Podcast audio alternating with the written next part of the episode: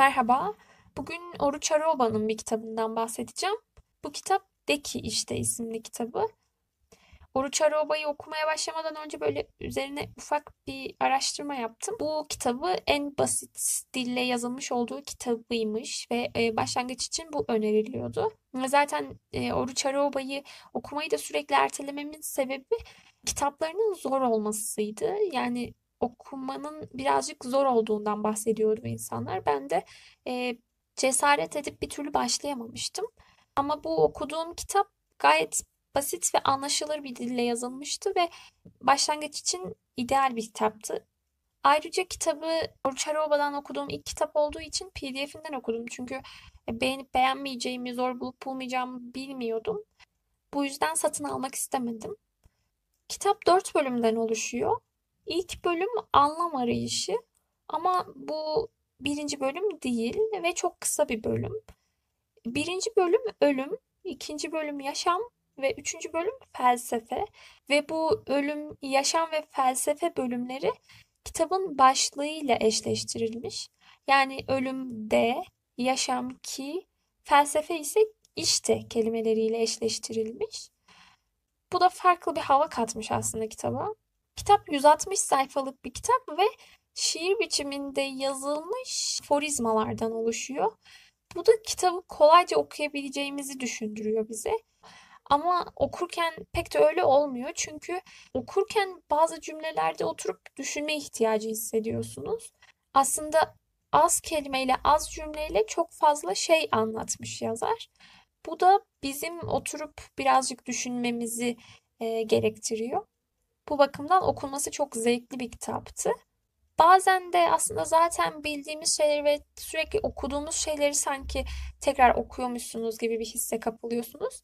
Ama bildiğimiz şeyleri çok farklı bir üslupla yazdığı için okuması çok daha zevkli bir kitaptı bence. Bu yüzden bile okunmaya değer bir kitaptı. Çünkü farklı bir deneyimdi benim için. Bölümler hakkında konuşmam gerekirse eğer, ölüm bölümü ölümün aslında ne kadar doğal karşılanması gereken ve yaşamla iç içe olan bir gerçek olduğu üzerineydi ve ölüm hakkındaki düşüncelerinden oluşuyordu. Çok güzel bir bölümdü ama bana çok da farklı bakış açıları kattı mı? Çok da fazla kattı diyemem. Çünkü zaten düşündüğüm şeylerdi ama zaten ölüm üzerine düşündüğümüz şeyleri uygulamaya dökmek o kadar da kolay olmuyor. Hem çevresel faktörler yani insanların yasınıza vereceği tepkiler, hem e, kaybetmiş olmanın verdiği acı, bu gibi şeylerden dolayı ölümü doğum kadar normal karşılamak ve okuduğumuz şeyleri sindirip hayatımızda uygulamak o kadar kolay olmuyor. Ama yazdıklarında ve düşündüklerinde haklıydı. Keşke hiçbir etkiye maruz kalmadan sadece düşündüğümüz gibi yaşayabilsek ama böyle bir dünya pek de mümkün değil.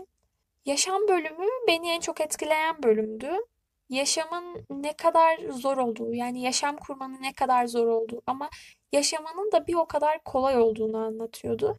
Çünkü yaşamak başkalarının bize sunduğu, bizim inisiyatifimizde olmayan ve bize aykırı olan bir şeydi. Ama kendi yaşamımızı kurmak o kadar kolay değil ve bu kurduğumuz yaşamı yaşamak hiç kolay değil. Çünkü eğer bir yaşamdan bahsedeceksek ve bu yaşamı yaşamak istiyorsak bugüne kadar karşımıza çıkan hayatımızda olan sevdiklerimizden de vazgeçmemiz gerektiği. Çünkü bu yaşadığımız hayatı aslında bize sunanın onlar olduğu ve bu yaşadığımız hayattan vazgeçmek için önce sevdiklerimizden vazgeçmemiz gerektiği üzerineydi. Ve bunun gibi daha birçok şey e, anlatılıyordu yaşam üzerine. Benim aklımda en çok kalan kısım bu olmuş.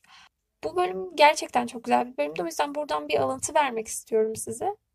Her şeyden önce unutmamalısın ki yaşam zordur. Yaşamak ise kolaydır.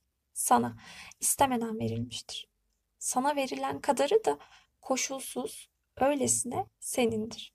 Kolayca, hafifçe. Ama yaşam hazır verilemez sana. Sana hazır verilen her yaşama biçimi de sana aykırıdır. Seni aykırı, çarpık hale sokar. Ona uyarsan. Yaşam senin verilmeden yapmayı öğrenmen gereken bir şeydir.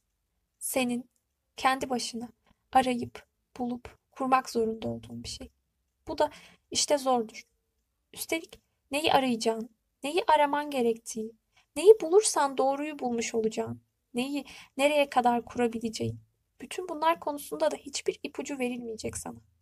Bu konuda sana verilmeye çalışılacak bütün telkinler, yol göstermeler de daha başından aykırı, yanlış olacak.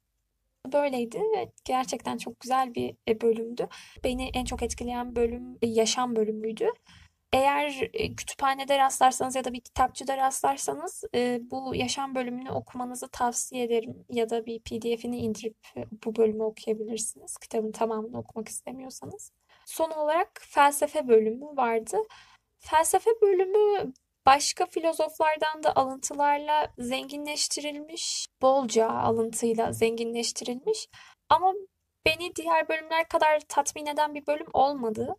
Güzeldi ama yani kötü demiyorum. Çünkü kitap zaten başlı başına güzeldi. Ama e, diğer bölümler beni daha çok etkiledi. Felsefe bölümünde felsefenin aslında ne kadar zor olduğu, felsefe yapmaya başlayan insanların ne kadar zor bir işe giriştiğini bildiği halde bu işe başladı. Çünkü felsefede bir sonuca ulaşmanın ne kadar zor ve imkansız olduğu üzerine düşünceleri vardı. Ayrıca felsefenin şiirle olan ilişkisine ve şiirle olan ayrılamazlığına değiniyordu. Bu biraz dikkat çekiciydi çünkü benim şiirle pek aram yok. Bu konuda da biraz e, üzüldüm yani bu görüşüne pek katılamadım açıkçası ya da pek e, şiirle alakalı bir deneyimim olmadığı için böyle düşünüyorum. Felsefeden de bir alıntım var. Onu da vermek istiyorum. Felsefe sözü edilemeyen bir şeyin açlığıdır. İşte felsefe bir şeyin sözünü etme açlığıdır. Sözü edilemeyen, edilmeye çalışılmaması gereken, edilmesi olanaksız bir şey. Kitap hakkında söyleyeceklerim bu kadardı. E, hem kitabı hem de Oruç Arıoba'yı bir tanımanızı ve okumanızı isterim. Düşünceleri ve düşüncelerini dile getiriş biçimiyle e, okunmaya değer bir filozof veya yazar artık ne dersek. Beni buraya kadar dinlediğiniz için teşekkür ederim. Sağlıcakla kalın.